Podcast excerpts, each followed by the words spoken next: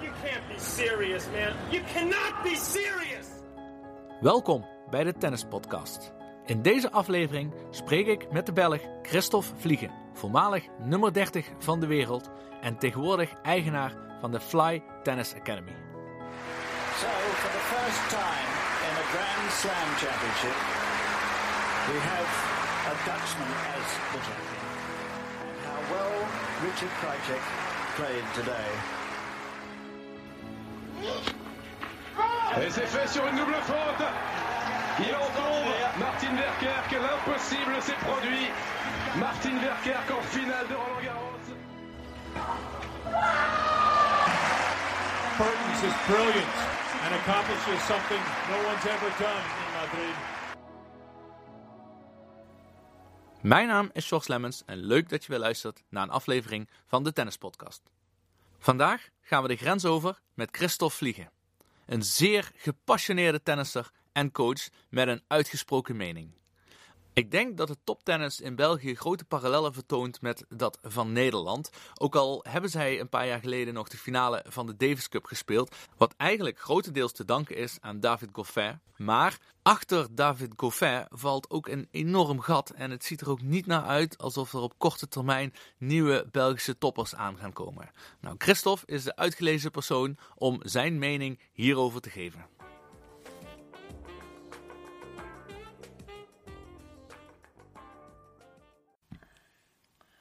Ja, Christophe, echt superleuk dat je even de tijd wil nemen om uh, met me te spreken in deze podcast. Um, ja, ik ken je van een hele tijd geleden, toen je echt net uh, aan de start stond van je professionele carrière. Dat zal ergens rond 2000, 2001 geweest zijn.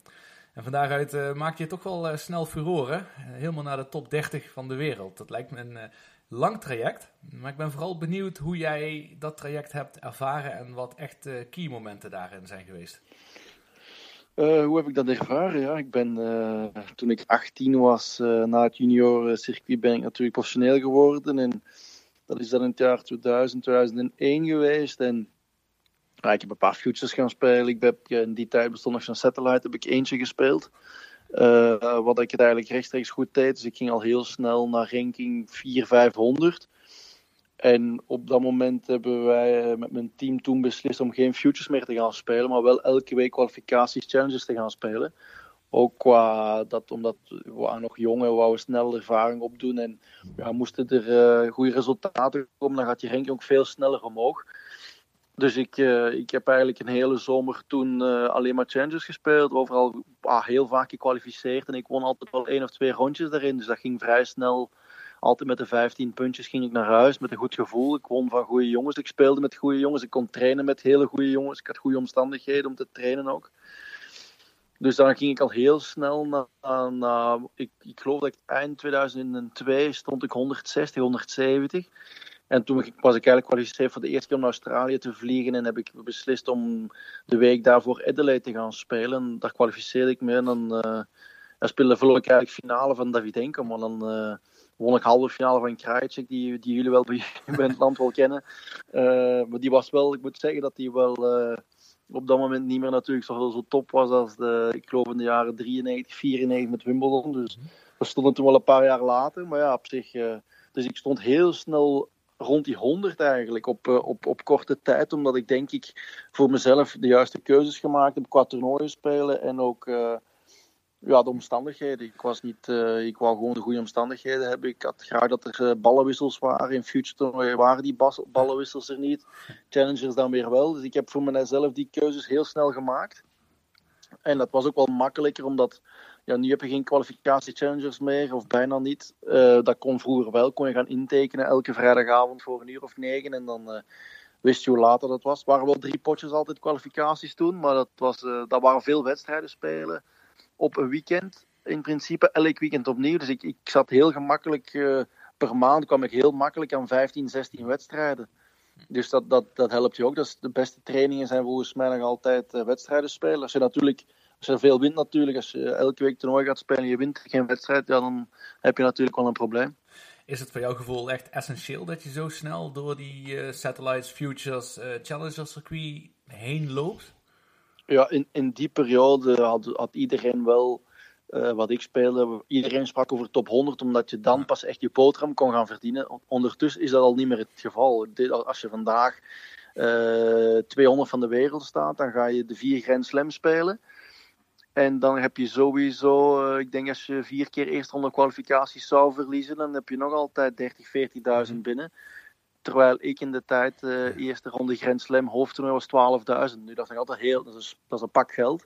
Maar ondertussen is dat wel al bijna 50, 60.000 geworden. Dus, dus ja, vandaag de dag moet je niet meer top 100 staan om, om ervan te kunnen leven, zal ik het zo zeggen. En ja, natuurlijk, ik, natuurlijk hoe hoger je raakt, hoe meer dat je verdient natuurlijk. Ik denk dat iemand die vandaag op 100 van de wereld staat, het hele jaar, die speelt vier Grand Slams, die heeft 250.000 euro in zijn zakken zitten.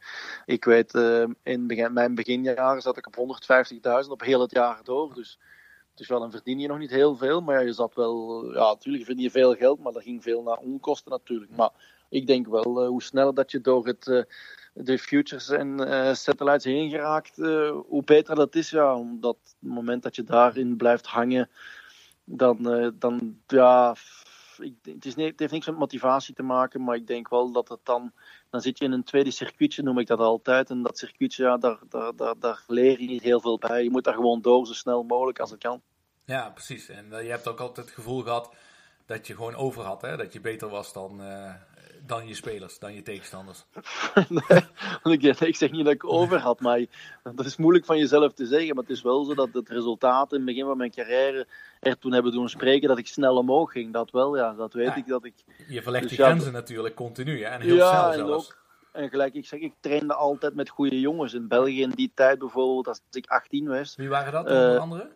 Ja, ik ging doen, de, de, daar kwam ik net op. Ik zat, op, uh, ik zat op de Bond in Antwerpen tot en met een achttiende. En dan is het daar een beetje misgelopen tussen de Bond en mij, om welke reden dan ook. En dan ben ik naar Brussel getrokken, omdat ik daar kon trainen met de broertjes die al dicht bij 100 stonden. Terwijl ik nog wel beginnende was, of ik stond misschien 500, 600. Dus ik kon altijd met goede jongens spelen. Dick Norman trainde, Gilles Elsen. zijn allemaal jongens die in Brusselse trainden. Dus waren allemaal mensen, ja, Malice zat er veel minder in België, maar die zat veel in Amerika toen. Maar ik kan, al, ik kan altijd trainen met in principe beter. Of ik zorgde dat ik met beter kon. Ik ging naar de bond in Wallonië, want die hebben natuurlijk twee bonden in België ook nog. Dus dat was altijd een goede groep waar ik mee kon trainen. Ik heb vijf jaar privé getraind met Christophe Rogges. Uh, ja, en dat was iemand die dan, ja, die was dan vier, vijf jaar ouder als mij. Of iets meer, ja, vier jaar ouder.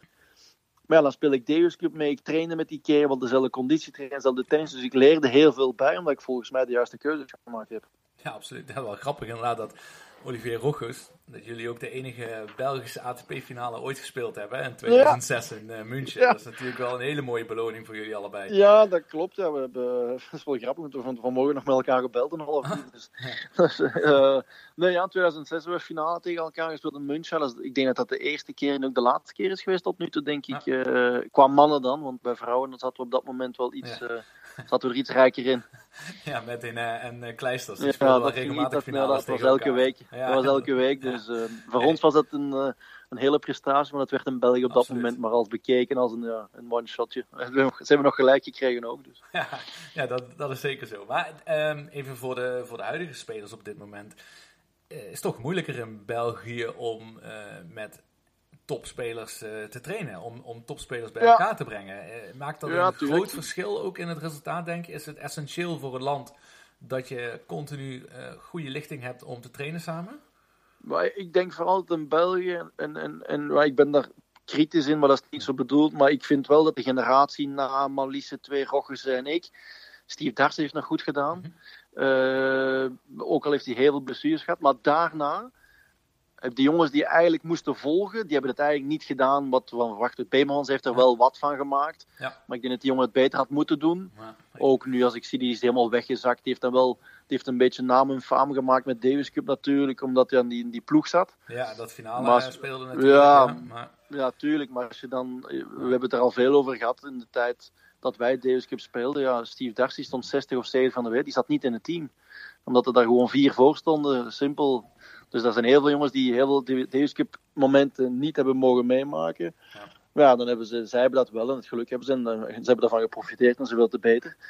Maar ik denk wel dat zo'n Joris de Loren, Bemelmans, Arthur de Grijf, dat zijn jongens die het niet gebracht hebben, waarvan we mee, of wat, laten we zeggen, die, die op dat moment hadden moeten opstaan, die zijn blijven zitten of die zijn zelfs gaan liggen. Want er zijn ook al die gestopt zijn en die hebben absoluut niet gebracht wat, wat, wat het is. Dus sowieso de, de generatie die vandaag probeert, die hebben niemand om naar op te kijken of die hebben niet betere spelers. Nee.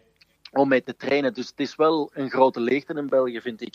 Ja. En uh, ja. Ja. ik vind het wel een leegte. Ja. Ja, ik denk dat ook wel heel erg. Hè? Als ik een beetje naar mezelf uh, kijk. Ik train natuurlijk bij Henk van Hulst uh, rond het jaar 2000. En dan had je inderdaad ook altijd, wat je ook zegt, altijd goede spelers. Ik trainde met Schenk Schalke van Lottem heel veel. Als Haarhuis en Elting er waren.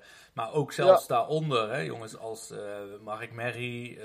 allemaal jongens die gewoon top 300 stonden. Er was iedere dag Ja, was er iemand ideaal. om top Ja. mee te trainen. En eh, dat, dat, is wel, dat is wel moeilijk, hè? want dat creëer je natuurlijk ook niet zo makkelijk. Nee, dat kreeg je niet. En zo'n gel- gelijk een jongen bijvoorbeeld in België heb je nu Zizou Bergs. Die, die, die heeft al 350, 400 gestaan. Vorig jaar die is nu in 100 plaatsen gezakt. Die is wel blessures gehad, maar die zit alleen op de bond. Die is nu zelfs al in Spanje gaan trainen. Om de drie maanden gaat hij naar daar of komt hij terug. Die is naar oplossingen aan het zoeken, omdat hij niet iemand heeft om Ja. beter mee te worden elke dag op training. Die, die traint elke dag en die doet alle dagen zijn uiterste best. Daar ben ik 100% van, van overtuigd. Maar die jongen zit niet, is niet omringd door andere spelers die hem ook elke dag gaan triggeren. En dat is wel een probleem. Ja, denk je dan eh, misschien eh, een verre stap eh, daarnaast, is het dan interessant om college tennis te gaan doen op het moment dat je klaar bent met je, met je middelbare school? Om daar Ah, het- het niveau het hangt op te gaan zoeken. Maar het hangt ervan af wat je wilt natuurlijk. Ik, ik, ik vind bijvoorbeeld niet dat je op college tennis, als je daarin stapt, dat je daar beter uitkomt qua tennisspeler. Ik weet wel dat daar ongelooflijk competitief wordt getraind en gespeeld. Natuurlijk, in competitiebeest moet je ook een beetje zijn als je toernooien gaat spelen. Dus ik, ik heb meer het gevoel, de jongens die ik daar heb zien vertrekken, naartoe zien gaan, die zijn teruggekomen. Er zijn er maar heel enkele die daarna echt carrière gaan maken. Er zijn er wel. En natuurlijk heb je uitzonderingen, maar ik noem bijvoorbeeld een John Isner. Had die college nodig om, om carrière te gaan maken? Ja, volgens mij niet, want die kerel is gewoon 2 meter 15, is veel belachelijk. Ja. Ik, ik kan me niet inbeelden dat ze op college les hem veel beter gemaakt hebben. Omdat die kerel, natuurlijk hebben ze hem wel beter, maar heeft hij alle dagen getraind, heeft hij elke dag wedstrijden gespeeld. Want ja, daar gaat het bij hun om een college. En het is natuurlijk wel een eh, eh, discipline, wordt er wel opgelegd en zo, maar ik ben persoonlijk geen voorstander voor iemand die echt carrière wilt gaan maken om daar drie, vier jaar te zitten bij te gaan studeren. Nu, ik, ik heb ook altijd de mening gehad, maar misschien ook omdat ik dat zelf heb gedaan. Ik heb altijd gezegd van ja, als je goed genoeg bent, dan ga je, raak je er wel. Als je niet goed genoeg bent, dan heb je pech. Absoluut.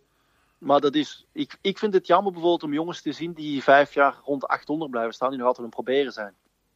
Nee, ja, dat, dat gaat niet. Hè? Dat is inderdaad wat ik in het begin Ja, aan je zo- maar zo, loop, maar zo lopen, zo lopen Ja. er wel een paar duizend rond.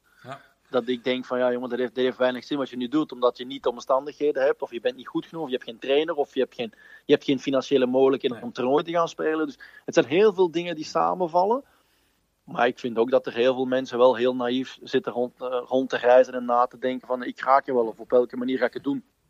Ja, ik maakte die sidestep eigenlijk een beetje omdat als je in de golfwereld kijkt, eh, België Ja. is daar heel succesvol met eh, Thomas Pieters, Niklas Ja, Kolsa en Thomas de. Trie.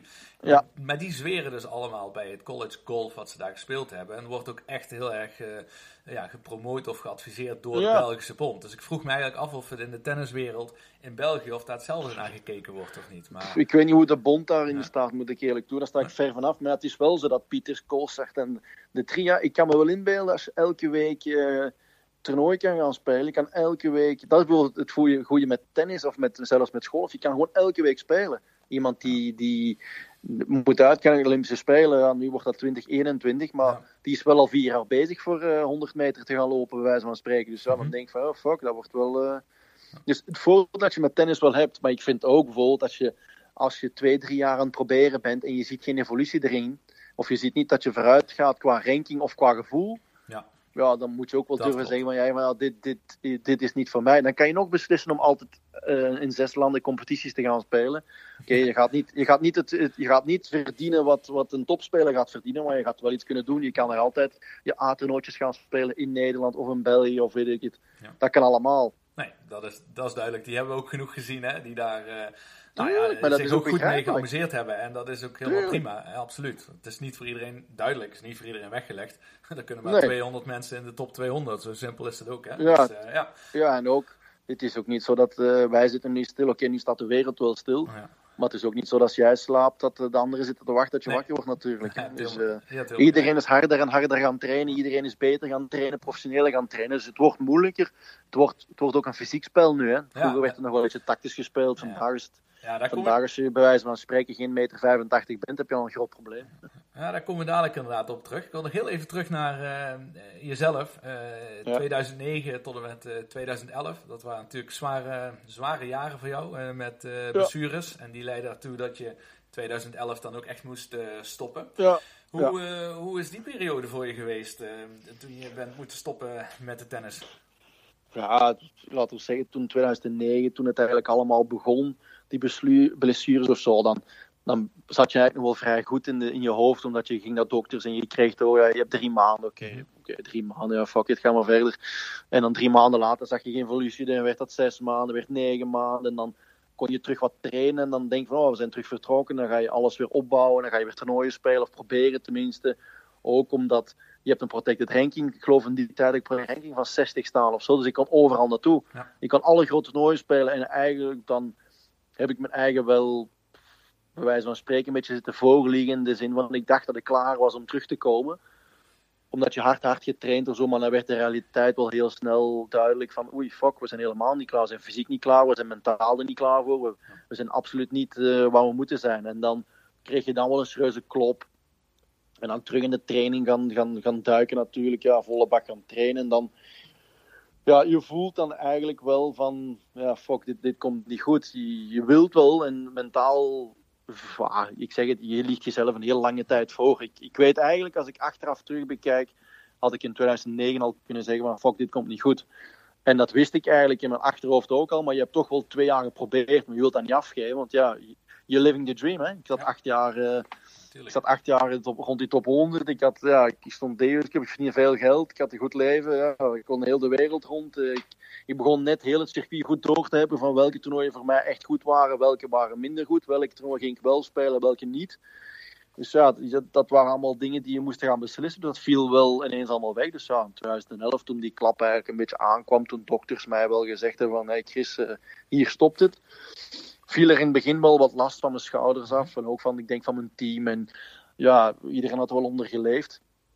Dus ja, dan heb ik wel eh, van 2011 tot en met, eh, wat zijn ja, toch wel, ja, dat was heel zwaar gewoon. Hè. Dan eh, weet je niet wat doen. Hè. Dan eh, de eerste half, de eerste zes maanden daarna die erop volgden, ja, dat, eh, dat, zal, dat zal niet heel proper geweest en heel mooi zijn om gezien, ja, gezien te worden. Maar ja, dan stilletjes aan, krijg je een telefoontje en dan ga je iets doen. En dan, ik, heb, ik heb bijvoorbeeld een restaurant open gedaan. Dus ik ben een restaurant met een nachtclub begonnen, die heb ik vier jaar gehad. Dus ja, dat is ook zoiets. Ja, die heb ik verkocht in 2016. Dus van 2012 tot 2016 heb ik helemaal iets anders gedaan. Ja. Maar ja, dan in die periode, diezelfde periode, kreeg ik dan ook wel telefoontje wat les te gaan geven. Dus dan ging ik een beetje les geven. En toen ja, dan ben ik eigenlijk terug ben ik eigenlijk in Nederland eh, beland. En ik heb jaren met de familie Griekspoor samengewerkt. Dus, eh, dus Ja. ja, dan heb ik, dan heb ik vier jaar, eh, een goede vier jaar mee samengewerkt. Ja. Ja, ja, dat vind ik interessant inderdaad. Hoe je dan, eh, of laat ik anders stellen, heb jij, terwijl je zelf als tennisser actief was, eh, had je toen al in je achterhoofd dat je wellicht ook coach zou gaan worden na je Nee. carrière? Heb je nooit Nee, nooit. Nee. Ik heb, al, ik heb altijd gedacht, de dag dat ik stop met tennis, dan eh, ga ik alle dagen golven. Dat klinkt nu een beetje raar, omdat jij in de golfwereld zit ook. Maar het is wel zo. Ik heb al mijn, ik heb mijn golfclubs hier staan, dus, eh, maar ik ben een tijdje niet meer geweest. Dus nee, maar het is... Ik, ik heb nooit nagedacht van... Ik heb altijd gedacht van, ik tennis tot mijn 5, 36, of maakt niet uit tot wanneer dat ik beslis van, het is goed geweest.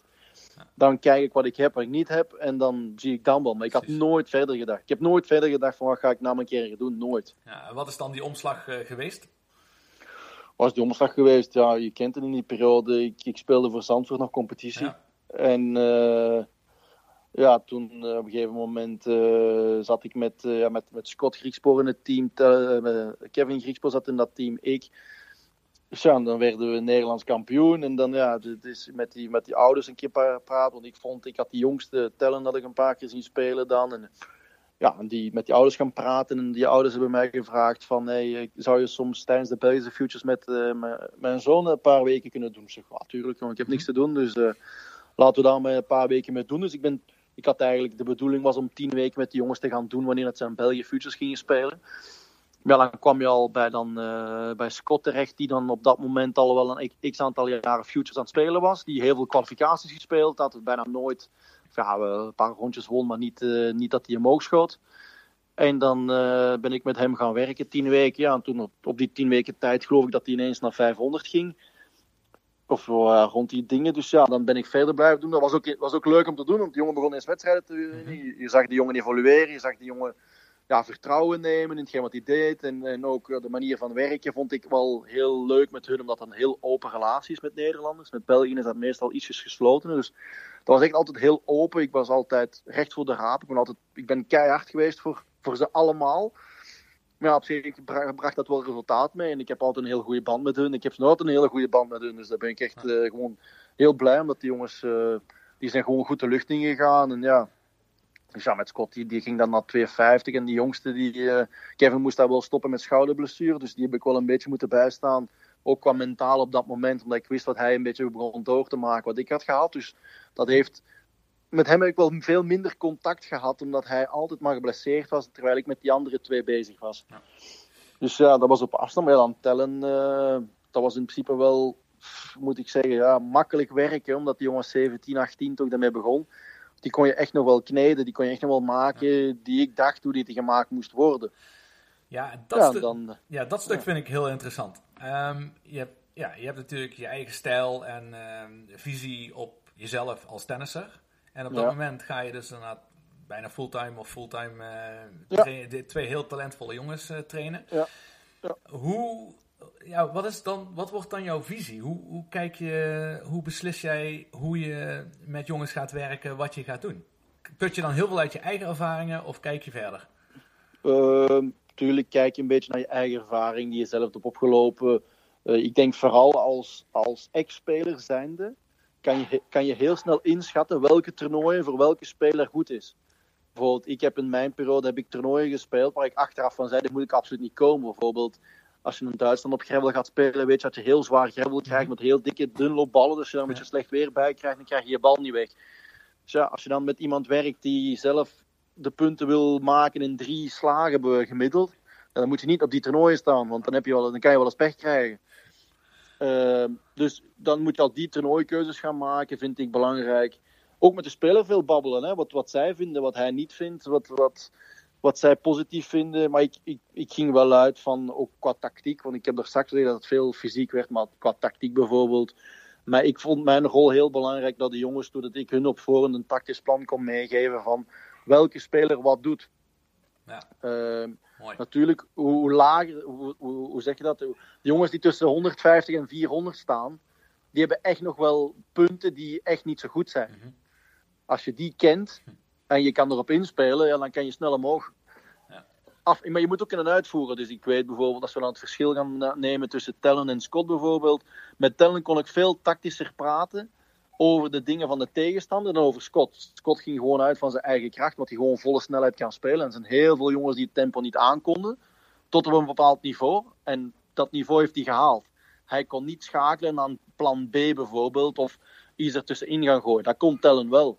Of dat kan tellen eigenlijk. Dus, ja. En, dus ja, dat is, dat is gewoon met. Ik denk dat je met elke speler anders moet gaan werken. Ik heb, ik heb een jaar gewerkt met Joris de Lore samen met Tellen toen. Um, ook. En ja, die, die, is, die, is, die is meter 95 groot, die kan belachelijk goed serveren. Maar ja, die, dat is gewoon op een andere manier gaan werken. Dus ik vind wel dat je persoonlijke ervaring moet meenemen, maar je moet ook uitgaan van, of zij moet ook aangeven wat ze, wat ze goed vinden, wat ze niet goed vinden. Hè. Dat is, uh, ik ja. weet dat we veel, met, met Tellen is daar een, een heel makkelijk, een heel goed voorbeeld van. Wat ik altijd tegen hem gezegd heb, is van, hij heeft ooit verloren van een speler, omdat hij gewoon tactisch gewoon heel dom was geweest. En een paar weken later speelde hij er opnieuw tegen. En toen had ik hem een paar dingen meegegeven. Toen won hij 6-3, 6-2. En toen zei ik na de wedstrijd van, hey, dit is nu eens een professionele overwinning. En hij gaf als antwoord, ja, maar dit is niet leuk, Chris. Ik zeg, ja, het is, het is niet leuk, maar je staat wel 6-3, 6-2 gedaan. Je kan douchen, je kan morgen opnieuw spelen. Een paar weken geleden moest je douchen, kon je niet meer spelen. Ja, dus, ja, dus, mooi. Dus, maar dat is, dat is wie dat ik met hem heel veel besproken heb. Van kijk, je moet niet altijd goed tennis spelen. Het moet niet allemaal belachelijk goed zijn om, om wedstrijden te winnen. Maar het moet, het moet juist zijn soms. En je moet niet je beste tennis spelen elke dag een wedstrijd te winnen. Als je tegen Federer morgen speelt, dan zou je waarschijnlijk je beste tennis moeten spelen. Maar er zijn heel veel wedstrijden waar je niet je beste tennis moet tegenspelen. En dat is bijvoorbeeld ook, dat heeft hij ook al in Rotterdam gedaan. De voorbije twee jaar als ik erbij was tegen uh, Wawrinka en tegen Kachanov. Ja, dan, Ja, dat zijn dingen die we, daar, daar wisten we veel dingen van. Of daar wist ik veel dingen van in het verleden. En ja, dat heeft hij kunnen uitvoeren. En dan zal het wel een beetje meegezit hebben. Maar dat waren voor mij geen overwinningen. Tuurlijk zijn het belachelijke mooie Ja. overwinningen in Rotterdam voor een Nederlander en, en alles. Maar dat waren voor mij persoonlijk als trainer op dat moment geen uitschieters. Ja, Dat waren, voor mij, dat waren voor mij overwinningen die ik dacht van die kan je echt wel halen. Ik was meer ontgoocheld van het feit dat hij de dag daarna of twee dagen uit tegen het Tsonga verloor. Want ik dacht van fuck, daar kan je ook nog over als je dat echt, Ja. als je duwt. Mhm. ja. Maar ja, dus, maar ja oké, dat is als trainer. En ja, ik, ik weet als ik, dat ik als trainer heel gemotiveerd ben. En eh, Ja, ik dat haat is- verliezen. Dus en als eh, mijn spelers Dat verliezen, ja, dan, eh, dan, ja, dan eh, heb je een probleem met me. Ja, het is mooi om te horen hoe je eh, sowieso heel enthousiast erover vertelt, maar ook heel overtuigd van eh, je hebt een duidelijk eh, plan. Hè? Dat is denk ik Ja, wel ik- heel belangrijk in. En daar ben ik ook wel benieuwd. Hè? Je hebt inmiddels eh, je eigen academy, het Fly Tennis Ja. Academy. Hè? Je bijnaam blijft natuurlijk altijd de Fly. Ehm. Maar wat kun je vertellen over de visie van je academy? Want jullie willen ook voor het hoogst haalbare gaan. Ja, dat is de visie van die Academy. Ja, dat is eigenlijk iets. Gelijk ik eigenlijk juist een voorbeeldje met Tellen bijvoorbeeld. Ja, ik weet dat ehm, heel veel mensen, eh, toen die bij mij zijn gekomen in het begin, toen ik het heb opgestart. Ja, ik ben degene die al de lessen geeft. Dus ik sta nu 40 uur per week op de baan. Ik geef les aan jongens van 12, 13, 14 tot en met 18. Sta ik alle uren op de baan. Dus ik ben, gelijk in andere academies, is het meestal wel dat de persoon zelf er niet is. Precies. Zonder, ja. zonder, zonder namen te noemen. Maar Nee, precies. Maar ik snap, eh, ik, weet, ik snap wat je bedoelt. ja, dus, dus ik ben daar altijd. En ik heb eh, bijvoorbeeld ook ehm, met de academie bijvoorbeeld. Ik weet dat ik vorig jaar toen ik heb aangekondigd heb. Ik heb, ik heb een 40, 50 tal kinderen getest. Maar ik heb er ook zelf 25, 30 geweigerd. Ja. Omdat ik vond van, dat ik met de ouders gepraat had. En ik zei tegen de ouders van kijk, dat is de visie. Als je daar niet in kan vinden, dan moet je niet komen. Bijvoorbeeld, ik ben, ik ben er heel open in van. Ik zeg ook tegen heel veel mensen van kijk, je kind is 12 of 13 jaar vandaag. Kan echt wel spelen. Maar er staat een serieuze achterstand op, eh, op de dingen wat ik denk dat hij moet gaan kunnen doen binnen vijf jaar. En ik kan, ook, ik kan me ook inbeelden dat als je tegen mensen praat, als je het over een bepaald budget hebt, bijvoorbeeld van als je een 13-jarige zegt van hey kerel, je moet pas binnen 10 jaar top zijn. Ja. Ja, dan, dan, dan, dan zijn de jongens of de ouders zeggen dan, hey, hoe zeg jij moeten we geen toernooien winnen dan eh, heel deze zomer? Ja, voor mij moet je die eigenlijk niet winnen, nee. Het is niet dat je het toernooi hier volgende week ergens wint in de buurt van Brussel, dat je dan denkt van, hé, hey, hier zijn we het er. Ja. Nee, we zijn er helemaal niet. En dat is bijvoorbeeld iets, eh, gelijk ik zei, van met de visie. Ja, ik, heb, ik, heb een, ik probeer op lange termijn eh, visie te zitten. Maar ik kan absoluut begrijpen dat mensen dat niet geloven of niet kunnen begrijpen wat ik daarmee bedoel. Ik weet, als ik mijn visie heb uitgelegd aan de mensen die uiteindelijk wel er zijn, die zijn pas na een paar maanden gaan beseffen van, oh, wat is hier eigenlijk het... eh, nu snap ik pas wat je bedoelt. Wat je toen gezegd hebt, nu snap ik het eigenlijk pas. Dus ja, dus wat is de visie eigenlijk? Ja, ik wil een lange termijn visie. Ik wil zelf heel veel op de baan staan. Of ja, ik sta eigenlijk altijd op de baan, van 's morgens tot 's avonds laat. Ik, ik wil daarbij zijn, ik wil elke training zien. Ik wil eh, alle fysieke eh, schema's zijn gemaakt door mij, samen met mijn fysieke coach, waar ik zelf mee gewerkt heb gedurende jaren. Ja, en ik heb wat mensen rond me heen staan die mij wat adviseren op, eh, met, met jongeren. Omdat het ook wel de eerste keer is dat ik dat doe met, met echt jongeren gaan werken. Vroeger heb ik dat echt geweigerd. Mhm. Dus ja, dat is, dat is iets helemaal nieuw, maar de visie is gewoon van op lange termijn. Ik vind bijvoorbeeld dat als je jongens vandaag, als je vandaag naar tv kijkt, dan zie je in principe alleen heel veel fysieke Ja. wedstrijden. Dan zie je niet altijd de beste wedstrijden. Robin Hazen is daar het beste voorbeeld van in Nederland. Die jongen heeft het vandaag gewoon heel erg moeilijk, omdat hij gewoon tegen spelers komt die nul tactiek spelen. Terwijl Hazen iemand is die met heel veel tactiek speelt. Ja. Dus het moment dat zijn tactiek het niet haalt van de fysiek, en dan wordt hij gefrustreerd. En dan zie je soms op YouTube een paar video's verschijnen. Dan, heb- dan weet je wel laat dat het is. Ja, precies, ja. Ja, dat is, en dat is heel frustrerend voor hem, wat ik absoluut kan begrijpen. Maar ik probeer wel nog altijd elke speler die bij mij zit, eh, hoe jong dat hij ook is, ik probeer wel alle slagen aan te leren. Dus ook al, ben je, ook al merk ik dat je binnen 10 jaar eh, meter 95 bent, dan zal je toch nog altijd wel eh, een slice kunnen spelen. Of ga je toch alles moeten kunnen doen vandaag. Dat Ja. gaat je toch wel ooit moeten helpen, als je ooit op een bepaald niveau gaat spelen natuurlijk. Ja, dus Ja, dan zeg je het zelf ook al. Hè? De grootste verandering binnen het tennis is natuurlijk uh, fysiek en de snelheid. Hè? Ik, was, ja. ja ik, ik, heb dat ook inderdaad uh, gezien uh, recent nog, dat ik er naast stond. En ik, ik, was echt verrast erover hoe snel het ging. Als je dat vergelijkt in de periode dat wij speelden. Um, maar dat betekent dat jij natuurlijk nu ook wel op een heel andere manier dan kinderen doet opleiden. Dan hoe je zelf bent opgeleid. Omdat het spel zo veranderd is dus. Ja, ik, ik, ja ik, zal waarschijnlijk op een andere manier opleiden dan, dan andere mensen dat doen. Ja, dat, dat is wel zo, ja, dat zou best kunnen. Maar ik denk, qua snelheid, ik denk nu ook wel de kinderen van de leeftijd die vandaag 12, 13 jaar zijn, die vinden het normaal de snelheid die ze spelen. Ik vraag meestal aan de kinderen om wat trager te spelen. Dus dat is, wel, dat is meestal al wel moeilijk om dat uit te leggen, omdat de tegenstander dan wel volle bak blijft knallen, terwijl die van mij tussen aanhalingstekens ja. wat rustiger een beetje een balletje omhoog, een sluisje gaat spelen, een korter balletje gaat geven. In plaats van alles vlak te knallen, ja, dan uh, vraag ik inderdaad iets helemaal anders dan hetgeen wat, wat er vandaag meestal wordt gespeeld. Omdat ik denk van, je moet dat ook kunnen. Je, je, moet, je moet een plan B hebben eigenlijk. En natuurlijk moet plan A goed zijn. En als je plan A niet goed is, moet je terug kunnen vallen op iets. Ja. En ik vind dat er veel te weinig spelers vandaag op, op iets kunnen terugvallen. Het is ofwel plan A en als het niet werkt, ja, jammer, dan doen we het morgen nog wel eens. En als het werkt, wel oh, leuk, was goed vandaag. Dat, dat, daar ben ik niet, ik ben daar niet zo voorstander, voorstander van. Ja. Ja, en uh, Christophe, je bent nu dus, uh, sta je zelf, wat je zegt, 40 uur in de week, uh, makkelijk sta je zelf op de baan bij alle trainingen. op het moment dat er nu een speler echt gaat uh, doorbreken van jou. En die gaat dus uh, fulltime uh, de Tour op. Blijf je nog steeds op de baan staan? Gaan andere coaches dan ermee? Of denk je zelf misschien ook nog wel eens eraan om weer internationaal mee te gaan reizen? Ja, dat is een hele goede jongen. Daar ga ik je moeilijk op kunnen antwoorden. Nee, dat is iets... dat zie ik dan wel. Ik, ik heb bijvoorbeeld die academie ook opgestart vorig jaar omdat ik met, die, met, met Tellen uiteindelijk vorig jaar rond mei zijn we uit elkaar gegaan. Ehm, ik zat al een paar weken thuis, maanden thuis. Ik heb, ik heb aanbiedingen gehad uh, links en rechts om iets te gaan doen. Ehm, ik heb dat allemaal geweigerd, ook omdat ja, ik, ben vader geworden van een tweede die ondertussen 16 maanden is. Ik wou daar ook bij zijn. Ik had al een paar jaar gemist, bij wijze van spreken. Dus, dus ja, dat is zo. Dat is, op een gegeven moment kies je ook voor je familie. Ik ben nu alle dagen thuis. Ik ben alle avonden thuis bij mijn kind en mijn vrouw. Dus dus ja, dat is, ook al, dat, is, dat is voor mij ook al veel waard. Nu, ik zeg het, als er vandaag iemand belt. Uh, ik heb al telefoon gehad, dat steek ik niet onder stoel of bankje. Ik heb al telefoon gehad, maar ik ga er redelijk in zijn als het vandaag. Als ik het sportieve daar niet in zie, of ik, ik merk van daar ga ik niet mijn sportieve ervaring in kunnen geven, dan zal ik het niet doen. Ook al is het financieel misschien interessant dan zal ik het niet doen. Ik heb, ik heb tot nu toe nog nooit een, uh, iets aangenomen waarvan ik financieel goed werd en sportief niet goed. Dus dat zal ik ook nooit niet doen. Dus moest er vandaag iemand bellen, ja, dan uh, mogen die bellen en uh, dan kan ik al aan tafel gaan zitten. Maar ik, ik, ik ga meestal, en daar ben ik heel eerlijk in, ik ga meestal eerst met de ouders zitten.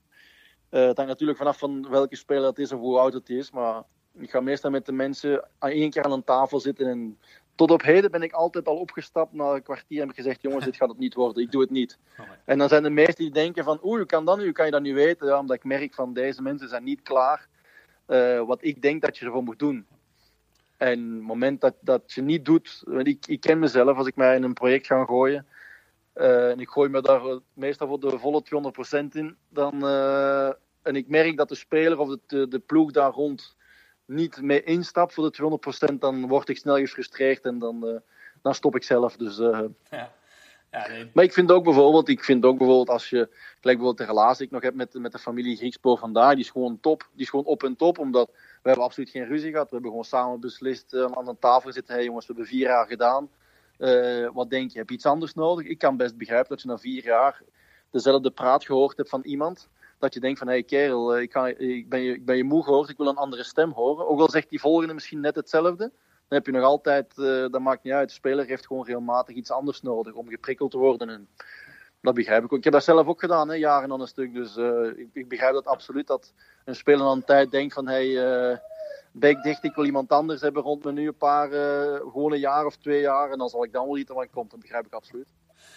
Ja, mooi Christophe. Ja, mooi om te horen hoe uh, enthousiast je bent, maar ook hoe duidelijk dat je bent. Bijna on-Belgisch uh, direct. Uh, je zei het in het begin ja, zelf jongen, al. Heb... Maar dat is, ja, dat maar dat is, maar dat is ook de reden waarom er in. België weinig met mij gepraat wordt over ja. tennis. Joh. Ja, het, hoort, het hoort wel in topsport. En je bent heel duidelijk met wat je wilt en wat je wilt bereiken. En je eist gewoon het maximale. Ja. En anders kom je ook niet tot het maximale als je dat niet doet. Dus maar ik, ik denk ook ik denk ook dat mijn relatie met Nederlanders uh, beter is dan met België. Dat heeft, dat is ook, ik, heb, ik heb veel Nederlandse contacten. Ja. Ik heb heel veel Nederlandse contacten, uh, gewoon met de tenniswereld nog, die, waar ik regelmatig contact mee heb. Die voor de bond werken of die privé werken, die ik van ja, vroeger nog ken.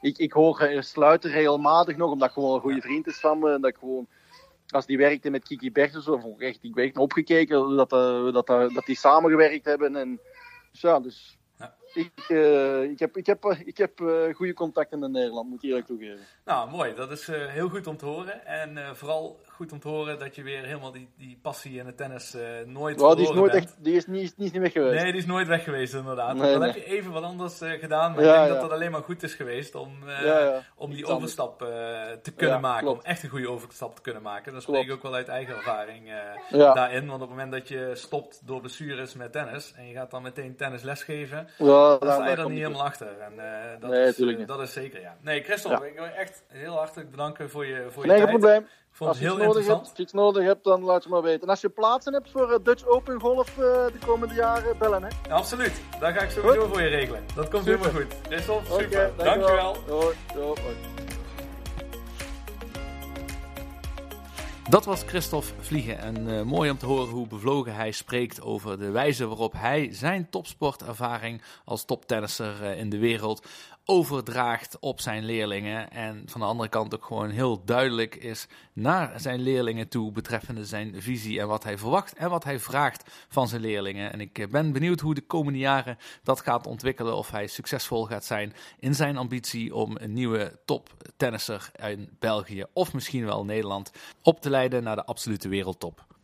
In de volgende aflevering gaan we pas echt ver de grens over. Ik spreek dan namelijk met Stefan Erit, die headcoach is van het National Tennis Center in Hongkong.